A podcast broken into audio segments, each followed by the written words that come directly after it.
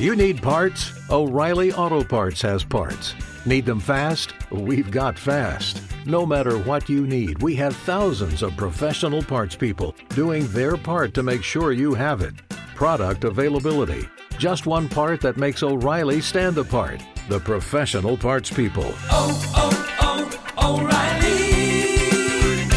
O'Reilly Auto Parts.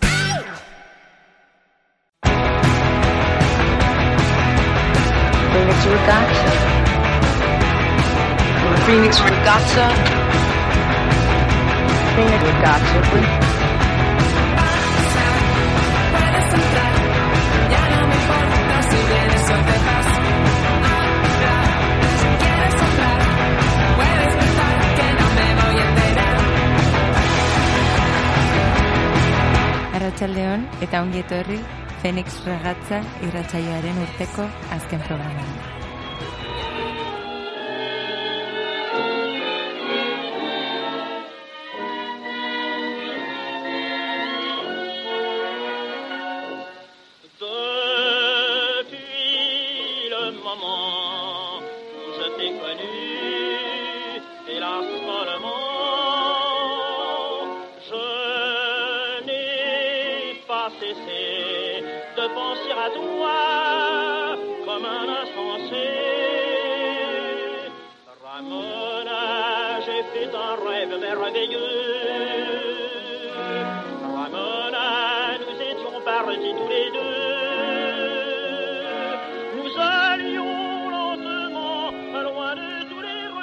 Gaurkoan gure irratsaioaren azkenengo programarekin gatoz bai, eta oso programa berezia e, pentsatu dugu gaurkorako. Izan ere, asko estimatzen dugun emakume bati buruz hitz egingo dugu, bere pelikula, bere literatura, eleberri, gidoiak izango ditugu gaur gure programaren ardatz bezala. Bera, hogeigarren mendeko erreferentzia intelektual handienetako bat izan da, eta mm, ziur gaude ja jakin dezuela zein buruz ari, ari garen, baina entzun dezagu intro pixka bat jakiteko zein den emakume hau.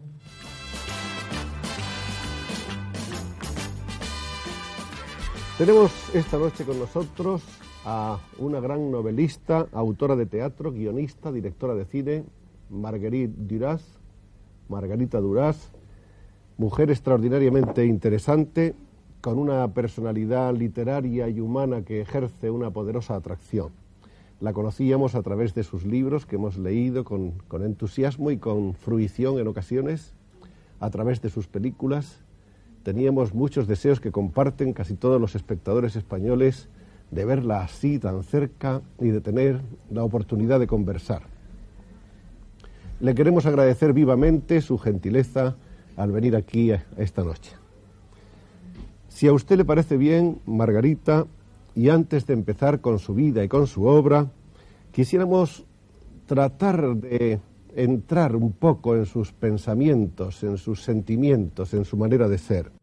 Grazia egiten zigun, afondo programak egiten dion aurkezpen hau ere gure aurkezpena izan zedin, ez? Margerit Duraz, Margarita Duraz. bueno, eskerrik asko Alberto de la Ozi, eh, konsoniko lagunei baita, Iñaki daukagu gurekin baita, Iñaki landa, eskerrik asko gurekin egotegatik. Eta gaurkoan ere, azkenekoan Lucrecia Martelen lazienagari buruz aritu ginenean bezala, Maren González daukagu gurekin estudian bertan. Arratsaldeon Maren. Arratxaldeon, Joni, arratxaldeon lur. Margerit Durasekin hasiko geagu baita, e, a fondo programak e, sarrera ematen zion bezala, baina kasu honetan, dakizuen bezala, Fenix Ragatza irratsaioaren kasuan, pelikula bat, e, sortzaile bakoitze, bakoitzaren pelikula bat daukagu nolabait ardatz, ezta? Gaurkoan Le Camion pelikula aukeratu dugu. Iruditzen zitzaigun nolabait gure programarekin bat egiten zuela. Labur kontatuz, zer den Le Camion, e, da Marguerite Duras eta Gerard Depardieu, mai batean, pelikula baten gidoia irakurtzen, ez da, Ione? Bai, eh, ala da, eta justu pelikula hau aukeratu dugu, bueno, Margarit Urasek pelikula pila badauzka, baina iruditzen zitzaigun pelikula honek oso ondo funtzionatzen zuela gure irratsaioak duen helburua asebetetzeko. E, dakizuen bezala Fenix Ragatzaren helburua da irudirik gabeko zinemaren inguruan hitz egitea, eta e, pelikulaen e, zinearen historia kanoni- kanonikotik kanpo geratu den emakume horien filmografia pixkat berreskuratzea. Eta Le Camion pelikularekin bueno, oso ariketa polita egin dezakegu e, gidoi honen bitartez, hitz hauen bitartez, irudiak eraikitzeko prozesuari e, gonbitea egiten digutelako, ez? Bai, Gerard Depardieu ema eta Margarit Urasek pelikula honetan. Bai, dudari gabe, agian imaginatu dezagun, e, azken irratsaio hau irakurketa saio bat izango dela, ez da?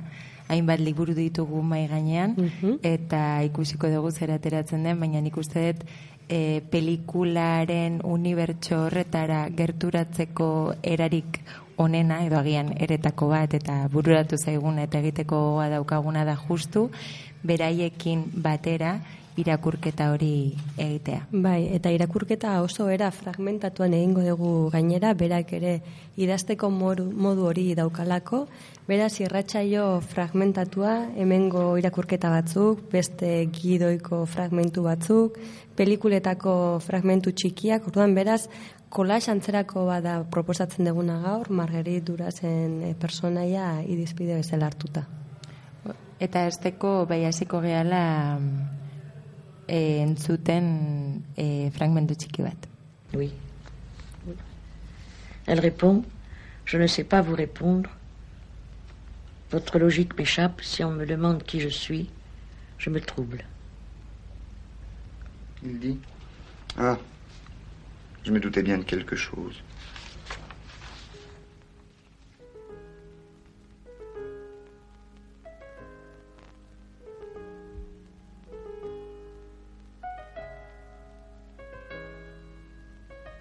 Elle dit Je peux me mettre à aimer, à vous aimer, à aimer, à tout moment. Crier, aimer. Abraham, ou bien vous. Tout.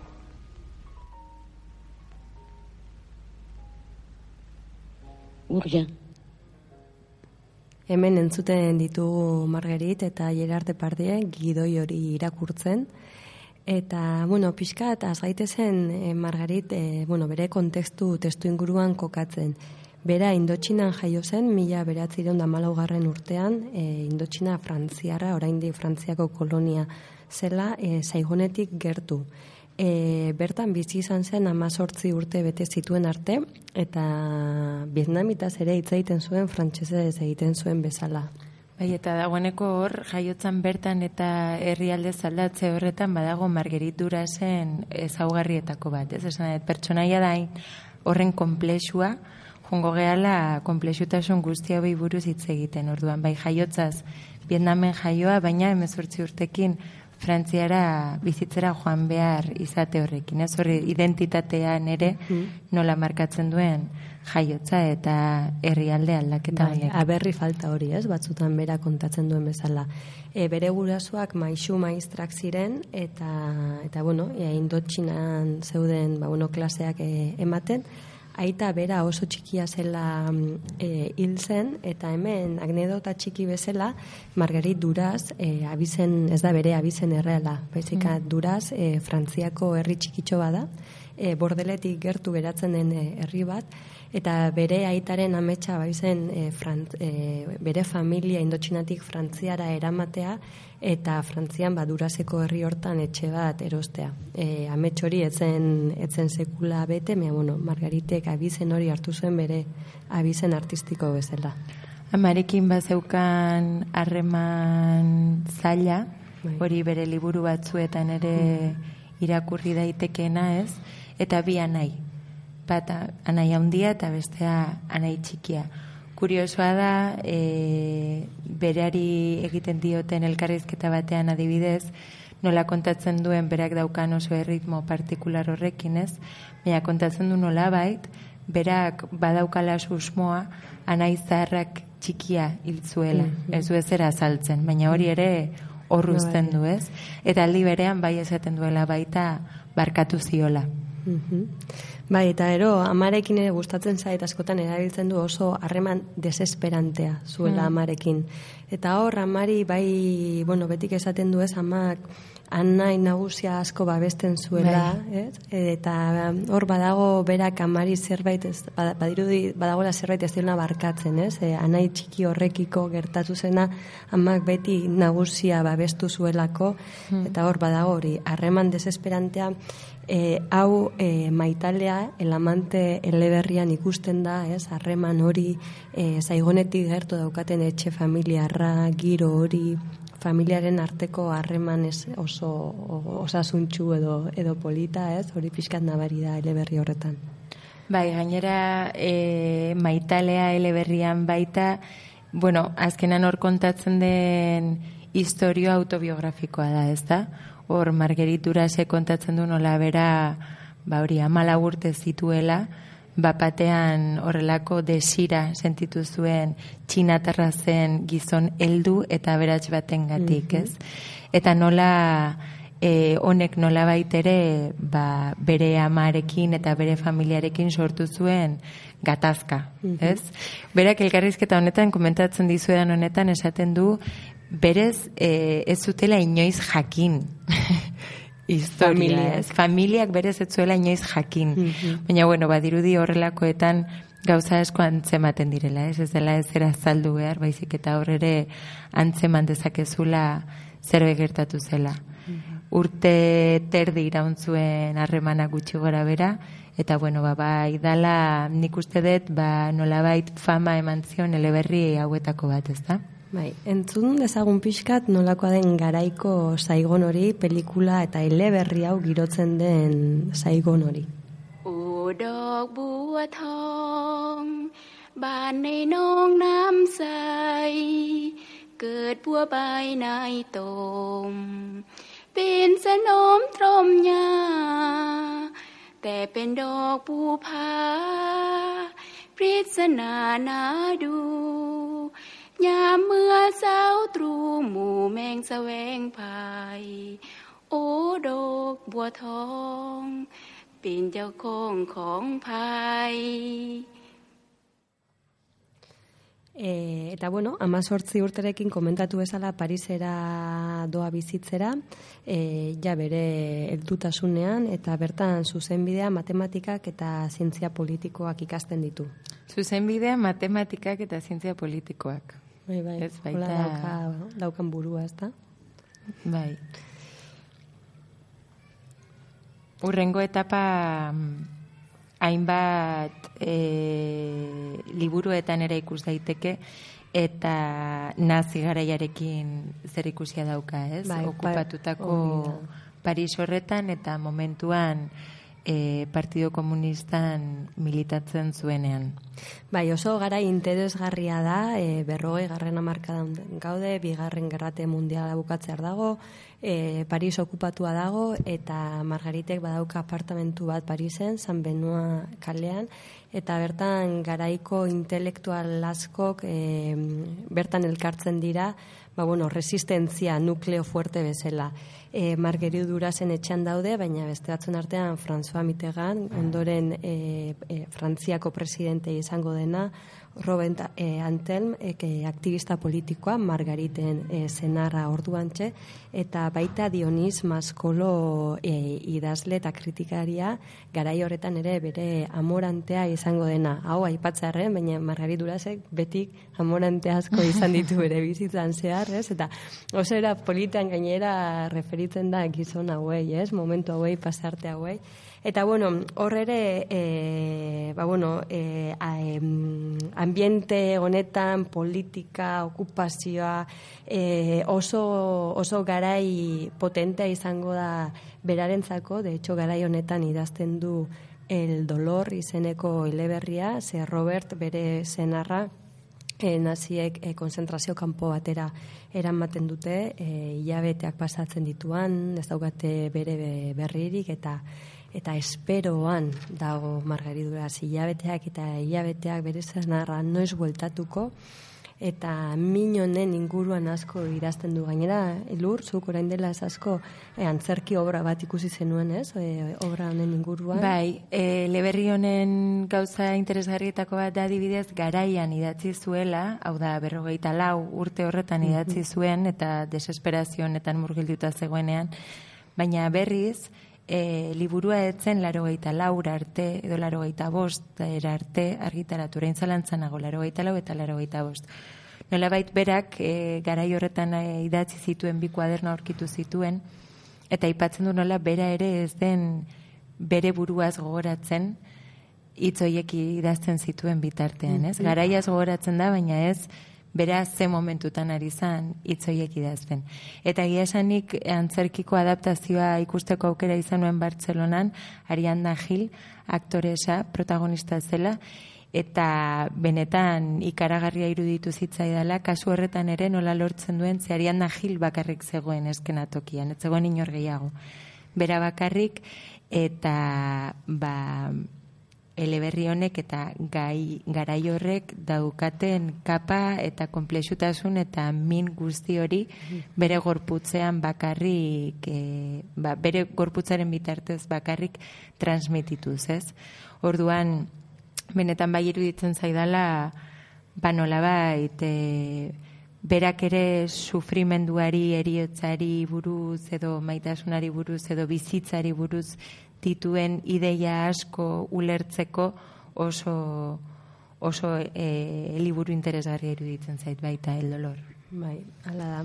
Eta, eta bueno, e, garai honetan azten da bera ere, ba bueno, e, ospe, bueno, e, ospea irabazten, bere liburuak saltzen dira, bere gidoiak hasten dira zinemara eramaten, eta gidoi horren salmentekin, e, eskubide horiekin, etxe bat erosiko du Neufel Eixato herriskan, Eta etxe hortan nolabait e, isolatuko da urte batzuetaz, agian hamar urte ez daki bai komentatzen du urte asko pasatzen dituela etxe horretan sartuta, nolabaiteko bakardade baten bila, e, uste durako hori dela osagai funtseskoena bere, bere liburuak idazteko, ez?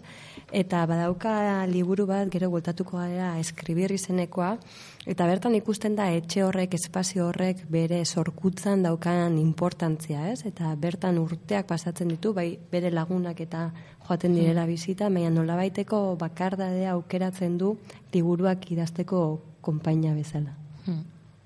Eta bere bizitzako azken etapa Jan Andrearekin partekatuko du nolabait bere bizitzako gizona. Bai, eta guri margariten romantizismo asko gustatzen zaigunez, poema txiki bat ekarri dugu e, jani idatzi ziona bere ja urte e, bueno, hil zorian zegoela. Hala esaten du. Para Jan, nunca se sabe con antelación lo que se escribe. No tardes mucho en pensar en mí. Para Jan, mi amante de la noche. Firmado Marguerite, la amante de este amante adorado. 20 de noviembre de 1994, París, calle Saint-Benoît.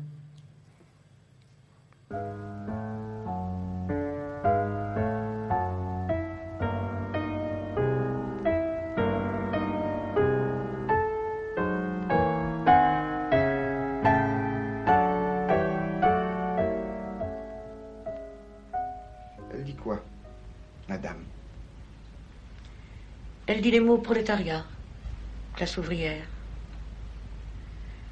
Elle dit maintenant, ils savent nommer leurs exploitants, leurs oppresseurs, lire, écrire. Avant, ils ne savaient ni lire, ni écrire. Maintenant, ils savent lire et écrire. Leurs connaissances, quant à leur sort, sont considérables. Oui, leurs connaissances sur eux-mêmes sont considérables. Elle dit quel progrès, fixe, éblouissant, fixé, mort. Elle dit le prolétariat doit être supprimé et il le refuse.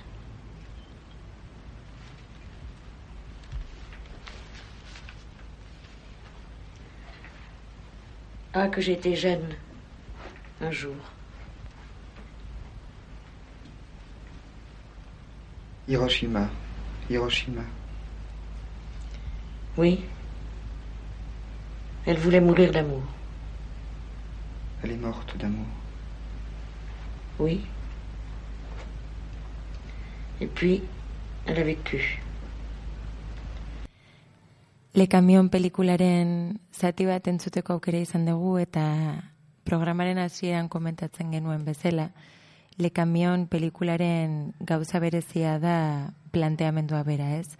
Aurkitzen ditugu Marguerite Duras eta Gerard Depardieu e, etxe baten barruan, mai batean eserita, bakoitza paperak eskuetan dituela, pixka bat gu momentu honetan gauden bezala, eta gidoiaren irakurketa bat ari dira egiten. E, gidoia kontatzen duena irudietan bakarrik ikusten dugu kamioi bat, ez? Karretera batean, baina besterik ez da ikusten. Ikusten dugun guztia, beraien hitzen bitartez, imaginatu dezakegu. Interesgarria da baita komentatzea, Margarit Durasek hasieran pentsatzen zuela, benetan filmatuko zuela berak idatzi zuen gidoi hori. Gerard Depardieu izan bartzen aktorea, baina aktoresaren kasuan bi aktoresa zituen buruan eta bietako ez da bat ere etzegoen libre momentu horretan berarekin filmaketa bat egin ahal izateko. Eta orduan konturatu zen, gero aurrerago bere hitzetan entzungo dugun bezala, baina orduan konturatu zen e, ez zuela gidoia filmatu behar, baizik eta gidoiaren irakurketa filmatu behar zuela, eta ikusleari eman behar ziola bere buruan pelikula hori imaginatzeko askatasuna eta aukera. Bai ez, e, Le Camion pelikula, bueno, nik esango nuke nahiko bitxia dela, ze niri sentsazio ematen dit, dala bukatu gabeko berez gidoia bai dagola eginda eta eta testua e, e, testuak hasiera eta hasi eta buka egiten dula baino ematen di sentsazioa e, bukatu gabeko film bat dela, ezta? Bai, bai, dudarik gabe, bueno, nolabait, eh, ez dakit bukatu gabekoa edo prozesuan dagoela, ez? Hmm, Hori da, hori da. ematen duen sentsazioa. Bai, eta ez da lehen aldia em, porroterako joera daukan pelikula bat, bere baitan pelikula, beste pelikula batean bilakatzen dena, ez? E, obra ez amaituak edo ze, irakurketa hau, gidoiaren irakurketa hau pelikula batean e, bilakatzen da e, bukaeran, ez? Bai, Ze- eta irakurketa bera, eta nik uste honek ere prozesuarekin zer ikusia daukala, ez da ensaiatutako irakurketa bat. Baizik eta berarentzako oso garrantzitsua zela, bai berak, bai Margarit Durasek, bai Gerard Depardiek, lehenengo aldiz irakurri zezaten gidoi hori, ja filmaketa egiten ari zela, ez? Eta horren antzera, saiatuko gea Jon eta Bion artean e, gidoiaren zati bat irakurtzen. Silencio. Y de pronto, música.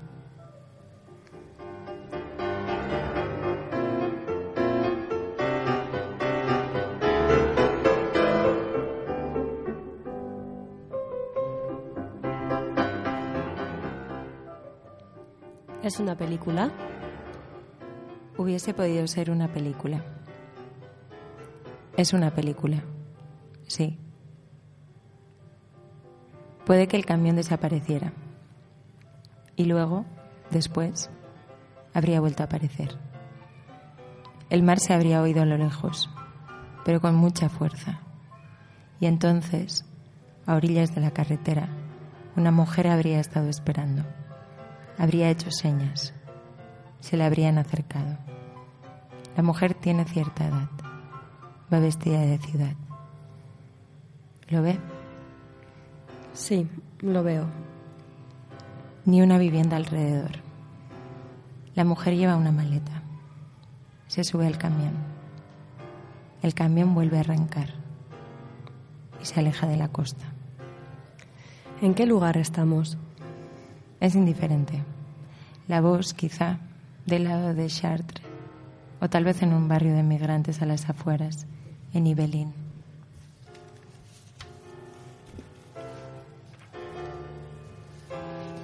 Es entonces cuando ella habría comenzado a observar el paisaje, el mar a lo lejos, la carretera, el cielo blanco, el frío, lo diverso de las cosas.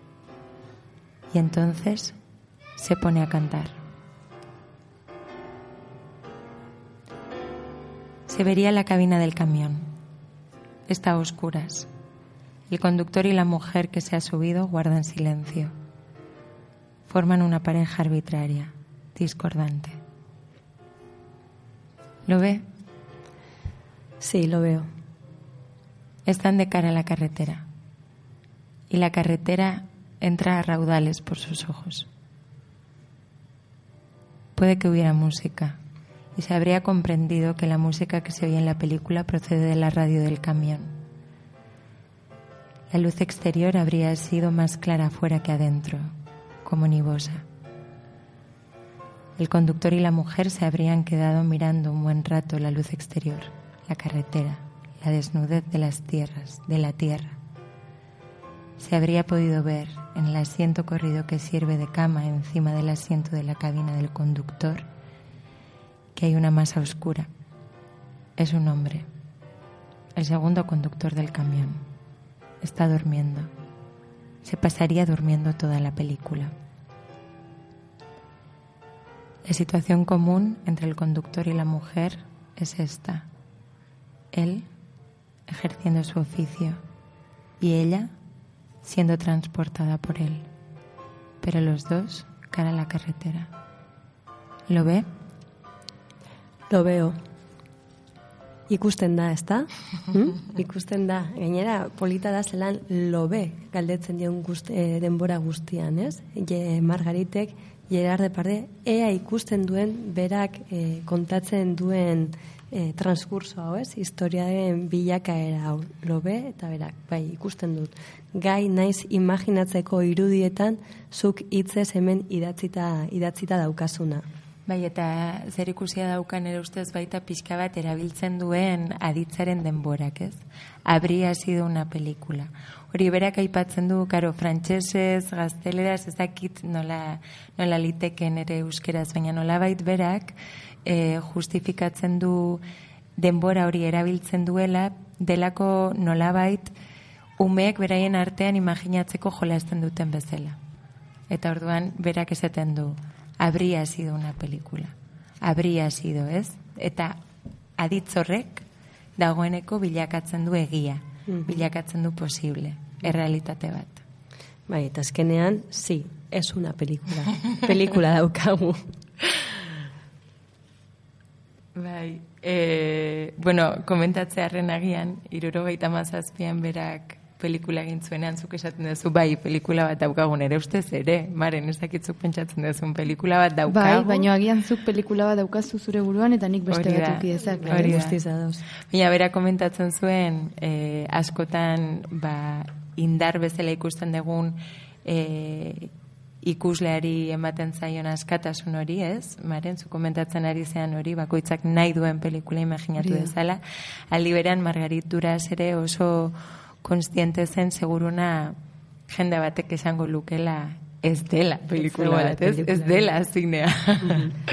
Horregatik komentatzen Jende hori bueno, agian ez da, ez da ikusteko kapaza, ez? Bueno, Azkenean, berak provokatu nahi duna hori, hori da. O, jende hori ere bilatzen dula uste dut. Hori da. Ze, eh, demostratu nahi du, badagola jendea gaidan abikusteko eta beste jende bat, ba ez. Bai, eta, eta bueno, filmen, filma ote da, filma ez ote da, e, filmaren porrot bat da, edo ez da, badaude horrelako saiakerak ere e, Margaritek baditu dela, ez da lur? Bai, bere hitzetan irakurriko den momentu batean, e, horrela esaten du nola bururatu zitzaion le camión egitea. En una de mis noches de insomnio me dije, esta película no quiero filmarla, voy a contarla. Me sentí completamente liberada cuando lo pensé. Es decir, que voy a contar lo que habría sido esta película si la hubiera filmado. Hori da, ez? Komentatzen ari garen guztia, bere hitzetan, bere hitzetan entzun da. Bai, eta neri honek e, narama ere, e, bueno, aspaldi irakurri nuen bere beste liburu batera, El Navio Night izena daukan liburu batera, eta berak ere pixkare rodaje baten inguruan hitz egiten du, irakurriko dizuet pasarte bat, ea, ea zer pentsatzen dezuen. Empecé el rodaje del Navío Night el lunes 31 de julio de 1978. Había hecho un desglose. Durante el lunes y el martes siguiente, primero de agosto, rodé los planos previstos en el desglose. El martes a la tarde vi las pruebas del rodaje del lunes. Aquel día escribí en mi agenda, filme fracasado. Durante una tarde y una noche abandoné el filme, el Night. Me mantuve fuera de él, lejos, tan separada de él como si nunca hubiese existido. Eso no me había pasado nunca. No ver más nada, no entrever ya la menor posibilidad de un filme, de una sola imagen de película. Me había equivocado completamente. El desglose era falso, más que eso. Había sido ajena al filme. El, el desglose no existía. Les dije a mis amigos, vean, me pasó esto. Mis amigos me dijeron que era normal, que algo lo que yo intentaba hacer con el cine se lo esperaban. Se habló muy poco. Ellos también habían visto las pruebas de rodaje y todos estábamos de acuerdo. Se habló de tomar una decisión, prevenir a la producción, al equipo, a los actores de que todo se detenía. No creo haber esperado algo de esa noche que llegaba, del sueño. Esperar algo me hubiese alterado más. Estaba feliz así, inmersa de pronto en una esterilidad sin límites, suerte de extensión sin accidente alguno, ni sufrimiento ni deseo. Al fin presenté ante mí misma en esa confirmación de un fracaso confeso, sin ningún recurso. Era luminoso, había terminado. Cine, terminado. Iba a volver a empezar a escribir libros. Iba a regresar al país natal, a esa labor aterradora que había abandonado hacía diez años. A la espera me sentía bien, feliz. Había ganado ese fracaso, había ganado. La felicidad debía provenir de eso, de haber ganado. Descansaba de una victoria, la de finalmente haber alcanzado la imposibilidad de filmar. Nunca estuve tan segura de un triunfo como lo estuve de ese fracaso aquella noche. Por la mañana nos volvimos a encontrar y les dije a mis amigos que íbamos a abandonar el desglose y a rodar el desastre del filme. Que durante la jornada filmaríamos el decorado y el maquillaje de los actores. Lo hicimos. Poco a poco el filme salió de la muerte. Lo hice. Vi cada día más que era posible.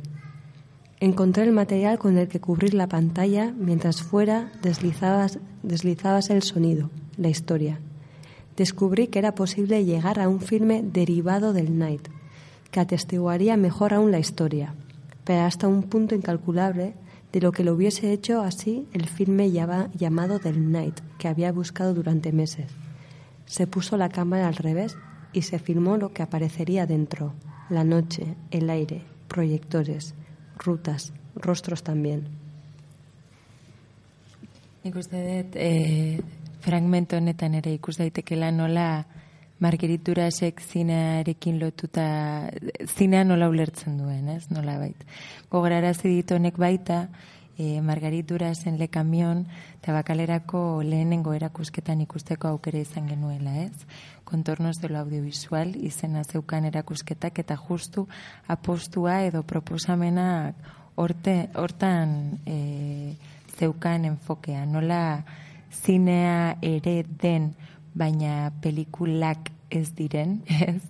E, dauden elementu edo guztiak orain grazia egiten zian ba hori dekoratuak, makillajea, baina horregatik lekamion ere izan daiteke gidoia, prozesua, ez? Mm.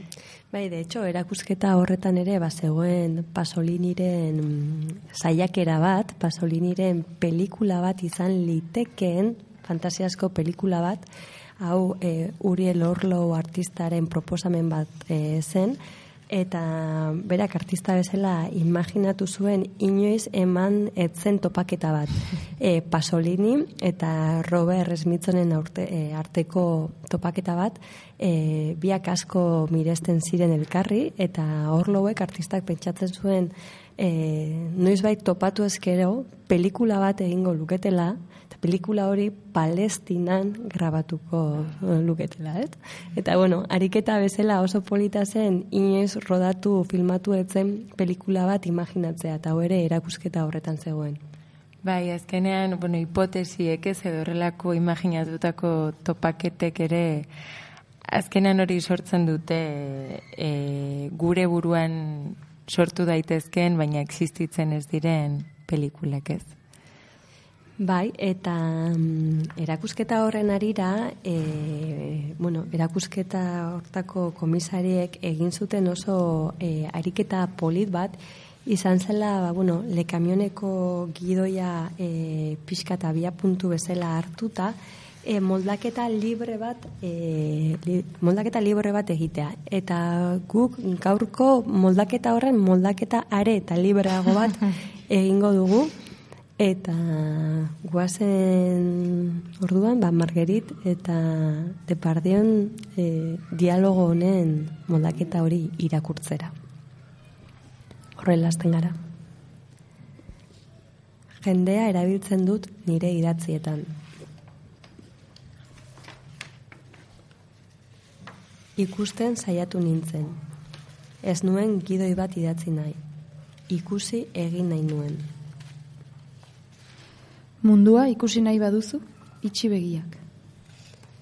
Begiak itxita dena beltz ikusiko duzu. Baina beltza ez da ezereza. Beltza abstentzia da. Abstentziaren presentzia, gabezia, utxunea, utxa, atzerapena, etenaldia, koma, puntua puntuazio zeinua, arbela, horri zuria. Mai armeren horri zuri ospetsua, ondartza zuria. Eguzki biziegi bat bezala ondartza. Horri baten aurrean zaude, ondartza zuri baten aurrean, itxasorik gabe. Ez dago itxasorik eta orduan olatuak asmatzen dituzu. Olatu bat asmatzen duzu. Olatu bat da, ideia bat daukazu, lausoa, baina dagoeneko mugimendu ere badena. Emakume loredun bat korrika. Emakume bat bizitzaren lorean. Emakume adineko bat, iriz jantzia. Ikusten duzu? Bai, ikusten dut. Ikusten dudana esaten dut, eta azaldu egiten dut. Le kamion ez da antzestua, irakurria da, eta etzen entxeatu. Egin izan balitz beste film bat izan zatekeen. Le kamionen lehen aldiko baldintza erabili nuenean, zatekeen, denbora ludikoa, ikuslei nolabaiteko errepresentazioa kendu nahi izan nien. Errepresentazioaren katean, bada espazio txuri bat. Testu bat normalean, ikasi egiten duguna, antzestu, jokatu. Hemen ordea, irakurri egiten dugu. Le kamion irakurketaren beraren errepresentazioa baino ez da. Testuko ekintzarako iragate moduko bat dago, ura igatu eta zahartzen duena. Idazlea naiz, jendea erabiltzen dut nire idatzietan. Dakizunaz idazten duzu, jakin dadila. Idazlea naiz, jendea erabiltzen dut nire idatzietan. Jendea erabiltzen dut.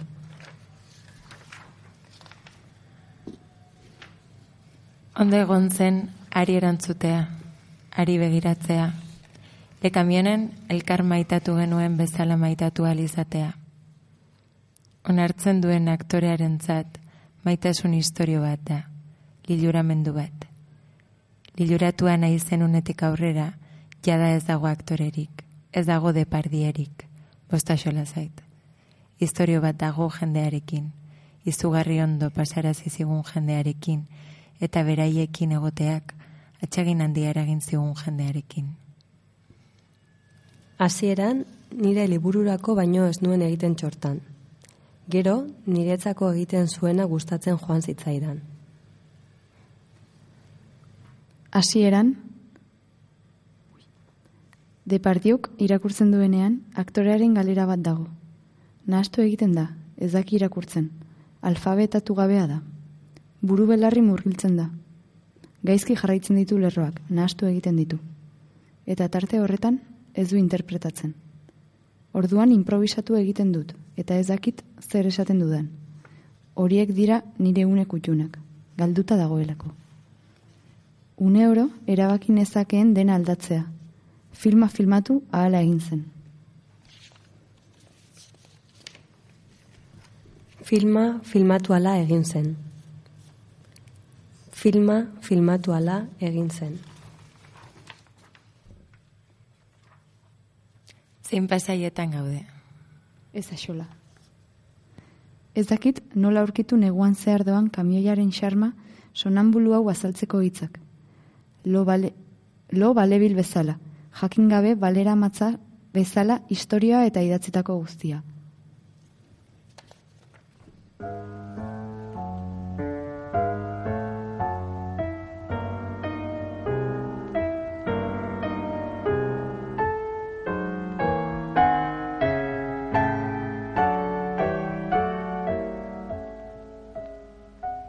Elle dit quoi, madame?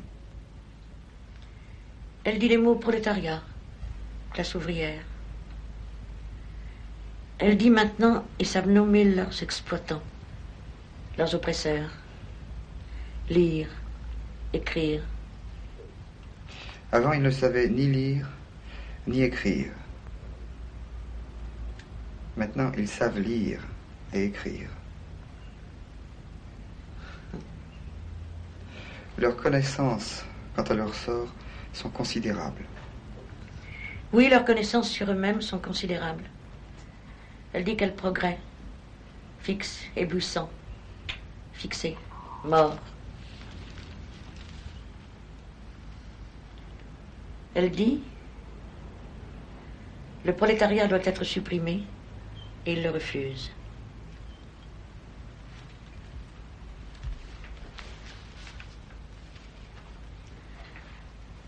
Ah, que j'étais jeune un jour. Hiroshima, Hiroshima. Oui. Elle voulait mourir d'amour.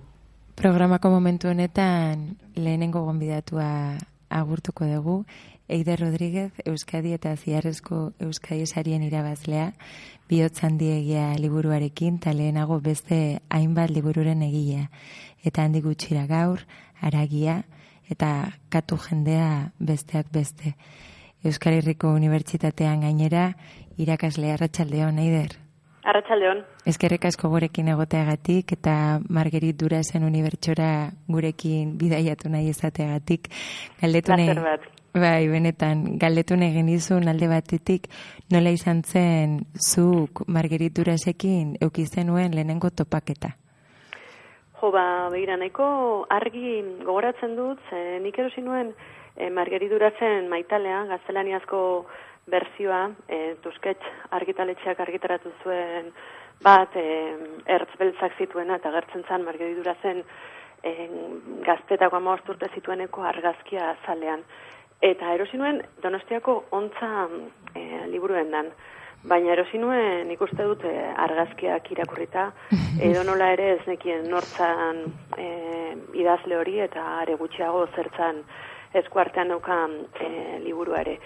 Eta orain zuekin hitz egiteran indoala, ba, aritu naiz e, liburutegian bila, eta, bueno, beti daukat eskura liburu hau, baina behiratu nahi nuen urtea, eta edizio, nik daukadan edizioa da larogeita bostekoa. Nik esan nuke, esango nuke, larogeita bostean irakurri ez banuen, irakurriko nuela larogeita zeian, edo larogeita zazpian. Eta kuriosa egin zait, ze, e, bueno, Eider Rodríguez jartzen du e, kredituen horrian, baina ez du rekonozitzen nire kaligrafia. Orduan da, hori da ez, nire kaligrafia e, rekonozitzen ez dudan garai bateko, baina bete-betean jozidan liburu honek. Bai, oso liburu berezia da, guri ere asko gustatzen zaiguna, eta agian hori da bere obratik gehien gustatzen zaizun liburua, badago besteren bat olan e, espezialki atxegin duzuna. Mm, bueno, irakurri ditut bere liburu batzuk, asko, desente ezakitzainan termino egokia, baina mm, beti bueltatzen naiz eh, honetara. E, badauka beste bat ere e, ekrir idatzi ez, Bai. e, asko e, gustatu zaidana, eta gero ere badu elkarrezketa liburu bat, bera elkarrezketa itzaile oso interesantea hori duela ez hainbeste irakurri nuen lehenengo aldiz, baduela zei zazpi urte, eta mm, bueno, horrek ere, bueno, bere beste ikuspegi bat eman zian, baina bueltatu bere prosara erakartzen hauena, behin da berriz, maitalea liburua da. Ekrigen kasuan, e, kuriosoa da, guk ere, bueno, liburua hemen daukagu gure artean gaur irratian, eta, bueno, atentzia ditu dit, nola ipatu dezun, e, bere erosi zenuen lehenengo liburu horretako argazkia irudia, eta kasu honetan guk daukagun edizioan baita, ekrigenean, atentzia asko deitzen du esku bat baita, dabe, eskua, eta, eta eraztuna, eta nola daukan baita, bueno, beti idazketarekin nik uste dut eh, askotan lotzen degula eskua ere, ez? Eta memoria, eta bueno, bada oso neri gutxienez eh, atentzioa asko ditu zidan argazkia irudia baita. Mm, bai, nik daukadan edizioan aldiz ez dira, esango nuke ez direla eskuak agertzenik. Beste edizioa daukat, baina egia da, margeridura zen liburu azaletan oso presente dagoela beti korputza. Bai. Eta bere idazteko maneran ere bai. Mhm, Eh, hori nik uste dut hori, nik lehenengo aldiz irakurri nuenean ez dakit zerk txunditu nuen ez nintzen gai izan dezifratzeko, ez? Bakit erakarpen indarra handi bat zeukala, baina ez nekien zertaz mm, zijoan ura, ura guztia, ez? Eta uste dut demorarekin konturatu naizela hain zuzen ere e, gorputzaz asko asko hitz egiten duela, ez? Bere Mhm. e, bueno, antologikoa den e, maitalearen hasieran ez, bere aurpegiaz Mhm. e, egiten du deskribapen e, e, eder eder bat, ez? E, gizonezko batek deskribatzen du Margeriduraz zen em, aurpegian ez da ni segurazki garai hartan ez nekian Margeriduraz zenik deskribatzen ari zena, ez, e, bigarren personen hitz egiten du Bai. askotan em, berari buruz e, jarduteko, ez? Eta e, uste dut emakumezkoek idatzitako liburu askotan e, gorputza jartzautela zalean, baina batzuta modu impertinentean esango nuke. Besterik gabe emakumezko batek idatzia dalako. Bai. Margeritura zen kasuan orde uste dut oso ongi ekarri dagoela hori azaletara. Eta bai egia da eskuena, ez, beti goratzen ez, eramateitula, eramaten zituela eraztun potolo batzuk, ez, Hori da. Batzuekin, ez, oso deigarriak zirenak. Bai, hemen eskuetan daukaguntxe eskribir e, liburua, hau ere tuzketzek argitaratua, eta lurre komentatzen zuen bezala, ja esku zahar bat dago azalean, olako eraztun handi batekin, eta mm, oraingo egunetan pixkat irratsaioa prestatzen asko gozatu dugu eskribir e, liburu honekin, ez? Berak oso ondo deskribatzen duelako Osa, berarentzako zelako erronka zen idaztea, eta idazten zuen etxe horrek e, bere idazketan ere bazuen importantzia, ez? E, errutinak, espazioa, nun idazten zuen zela, e, nik egia esan pertsonalki asko gozatu dut, bueno, pixkat imaginatzen ez, Margaritori bere e, Niufeleko herri horretan, laureun metro karratuko etxe erraldoi batean, bera bakarrik bizitzen, nolabait, isolatuta, ez, eta idazketa oso errutina ferreo bezala hartuta. Eh, ez dakit zuri ere, eh, bueno, arritzen zaituen edo gustatzen, gustatzen zaizun pixka zelanen eskribirren guzti hau deskribatzen duen. Bai, asko gustatzen zait, eta ezakit ere zein e, berari buruzko dokumentaletan, ez goratzen norekin batera egindako batean agertzen da, ez, ere etxe hori, e, okerrez banago lurra e, txuria eta beltza da, ez, dametara e, egina, eta nik ura ikusi nuenetik banuen fetitxe bat, ez, etxean nahi nuela alako lur bat, eta orain dela gutxi jarri dut, alzaile guztien kontra, oso zikina dalako, eta, eta hori, ez beltzetik txurira pasar delako zikina zamaritzeko eta txuriti beltzera eta bar, baina hala ere e, lortu nuen, eta beti daukatu gogoan etxe hartan bere lurra e, dametara zeola jarrita, ez, zagoratzen ez nola kontatzen duen, ez, ba, etxeak ere nola laguntzen zion arnaz hartzen, etxearekin bakarrik e, batera egiten zuela arnaz, eta idazteko ere, bueno, ba, etzela atretzo hutsa, ez, aizik eta lagundu e, egiten ziola bere oskola edo bere uteroa ere bazela, ez, etxe hura. Beste elkarrizkeretan batean ere ikusi dugu e, nola komentatzen duen badituela bere erritoak e, idazteko garaian, ez? Eta besteak beste bat komentatzen du hori oea eginda beti, edo platera karruiak, ez horrelako ohiturak edo errutinak, eta kuriositatea genukan baita zu idazle izan da jakiteko ea badituzun horrelako ohiturak. Oearena bai. Oearena bai. Baina, bai. bueno, edo goizuz edo gau ez, ez, askotan pentsatzen dut, eh, egia da sortzaileekin gertatzen dela orokorrean, baina, bueno, ba, kasu honetan Margerit Dura zeukita bide lagun baita, kuriositatea geneukan, zure kasuan idazle gisa, zer dan gehiago hori goizean, gauean, hori horrelako, bai, ezakit, erritualen Bai, ba. bat edo. Nire gustatzen zait goizez e, Mm. idaztea, eta arratsaldez ere bai, baina ja, gaua egiten denean ez. Normalean ez daukat burua argi gauza beterako, edo Mm. estimulu gehiegi e, dauzkat e, batez ere agenda kontuak eta buruan, eta ez zait gustatzen. Beharrezko alimazait, ari naizelako zerbait zuzentzen eta hori bai. Baina gozatzeko eguna, egun argia gustatzen zait. Eta nik ere daukat, mezuen oroitzen hori e, oearena, baina egia nik ere e, oea eginda Behar eh, dezula. eukina izaten detela, ontziekin agian, bueno, permisiboagoa naiz, ez? Baina oearena, bai ala bai. Eta, bueno, hortik aparte ni, ez, da, ez daukatalako loturarik etxearekin, asko gustan zait etxean idazte, baina egia zan, orain ordenagailu eramangarriarekin, ba, ere, Claro. plazera aurkitu diot edonun idazteko aukerari eta arintasun horri, ez? Mhm. Azkenean etxea bada ere bere kasuan mintzan zama bat, ez? Behar duzu, Bai. ez, ba, orden bat, ez dakit zer, ez, ba, zaratak, eta bueno, eta gira da ordenagailu eramangarriarekin gaur egun gara hartan etzen nahin erraza, ez?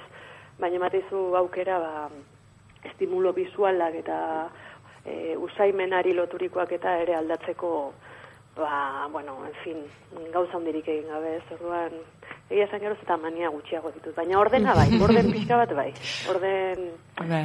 mm, bai, ez dakit, e, derrigorrezko batzuk ditut, eta tartean daude, oea, kafea noski, eta bueno, ba, idaz maila gutxi gora bera ere, inguruan daukana gutxi gora bera ere erditzuko neuki bardet. Barruko kaosak bere bidea aurkitu dezan.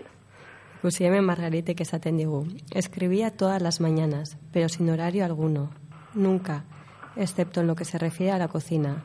Sabía cuándo había que ir para que tal cosa hirviera o para que tal cosa no se quemara. En lo que se refiere a los libros, también lo sabía. Que, bueno, horrai fori. Bueno, bai, da, eskerrik asko, gurekin gaur egotiarren, pena etzarela estudiora etorri, baina, bueno, urrengo baterako utziko dugu. Urrengo batean seguru. Bai, Eskerrik mila asko esker. benetan. penagatik. Bai, Gero zuri, arte. besarkada Adio. bat, agur.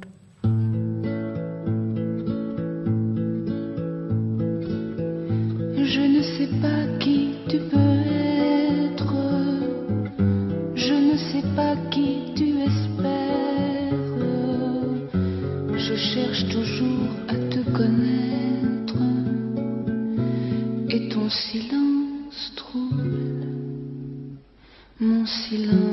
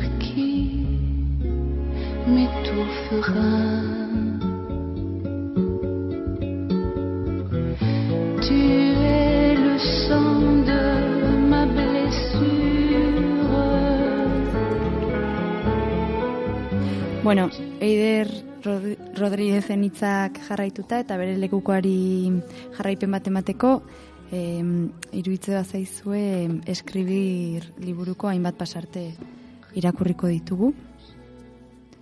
Eta horrela esaten du. Mi habitación no es una cama, ni aquí, ni en París, ni en Trouville.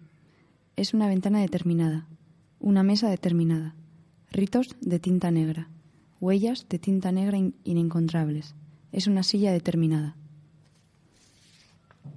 Esta casa, esta casa es el lugar de la soledad y sin embargo da a una calle, a una plaza, a un tanque muy antiguo, al grupo escolar del pueblo. Cuando el estanque está helado hay niños que vienen a patinar y me impiden trabajar, les dejo hacer. Los vigilo. Yo me parezco a todo el mundo. Creo que nunca nadie se ha vuelto hacia mí en la calle. Soy la banalidad, el triunfo de la banalidad, como esa vieja dama del libro Le Camión. Eta pasarte hauekin, e, gaurko programari amaiera emango diogu. Gurekin egon zeatenek entzun ahal izan dezuen bezala, gaur benetan saiatu gea gurekin eukitzen margeritura, ez ez, nolabait bere hitzen bitartez, bere hitzen irakurketaren bitartez ere, bere presentzia gerturatuz, nolabait. Bai, halako unibertso handia dauka Margari Durazek, ez? E, ezinezkoa dela programa batean barne biltzea bere obra guztia, baina bueno, gure alegina izan da, ba bueno, handik eta mendiko obrak hartu, pasarte ezberdinak eta irakurketa pixkat izpide hartuta, ba, bere unibertso ikaragarri hau ba, estudiora ekartzea. Ezkerrik asko maren, gurekin berriro egoteagatik. Bai, eta gaur, gainera gure azkenengo programa da, orduan eskerrak ematea ere, bueno, basaio guzti hauetan pasa diren gonbidatu eta lagun guztiei, beraiei esker egin degula programa hau, eta, bueno, ikusiko dugu ea Fenix Ragatzak badaukan jarraipenik, gu oso gustora egon gara, ezta? Bai, guretzako ere esperientzia berria izan da, eta benetan oso polita izan dela, asko ikasi dugu. Eta liberean iruditzen zaigu, ba, hori gelditu gehala gehiagorekin hitzen eta imaginazioen eta irudien eta irudimenaren artean esperimentatzeko, ezta? Bai, eta, bueno, bai, hitz hauekin urrengora arte, mila esker guztiei, eta... Mila esker. Bai, agur. Eskerrik asko.